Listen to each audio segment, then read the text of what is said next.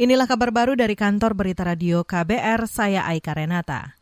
Pengurus Besar Ikatan Dokter Indonesia PBID optimis dengan program vaksinasi COVID-19 yang saat ini sedang dilakukan pemerintah. Hal itu disampaikan Ketua Dewan Pertimbangan PBID Zubairi Jurban mengomentari adanya satu riset luar negeri yang terlalu meremehkan perkiraan hasil program vaksinasi COVID-19 di Indonesia saya sih lumayan optimis bahwa kita tidak kalah dengan negara-negara lain. Namun juga dengan catatan kalau targetnya eradikasi mungkin juga semua dunia juga tidak bisa. Namun kalau targetnya kemudian pandemi hilang namun menjadi endemik di sini ada, tempat lain nggak ada, tempat lain lagi juga nggak ada, adanya sekali-sekali muncul di beberapa tempat. Nah itu eh, mungkin skenario-nya yang paling mungkin ke arah ke sana. Ketua Dewan Pertimbangan PBID Zubairi Jurban menambahkan tidak ada virus yang benar-benar hilang dari dunia. Contohnya virus influenza yang masih tetap ada meskipun vaksinnya sudah tersedia. Begitu juga virus HIV AIDS yang masih melanda dunia meskipun kasus pertama sudah dilaporkan sejak 40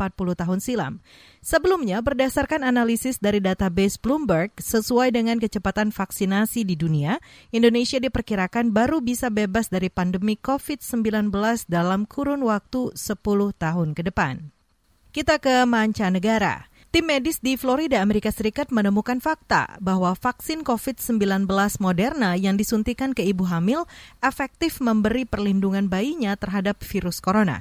Temuan itu didapatkan dari seorang tenaga kesehatan yang melahirkan bayi perempuan sehat dan memiliki antibodi di tali pusarnya. Antibodi itu mampu melindungi bayi dari COVID-19. Sang ibu tiga pekan sebelum melahirkan mendapat suntikan dosis pertama vaksin Moderna.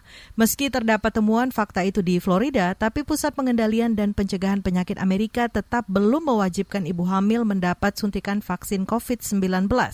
Lembaga itu memberi kebebasan bagi ibu hamil secara pribadi untuk bersedia disuntik vaksin atau ditunda hingga usai proses persalinan.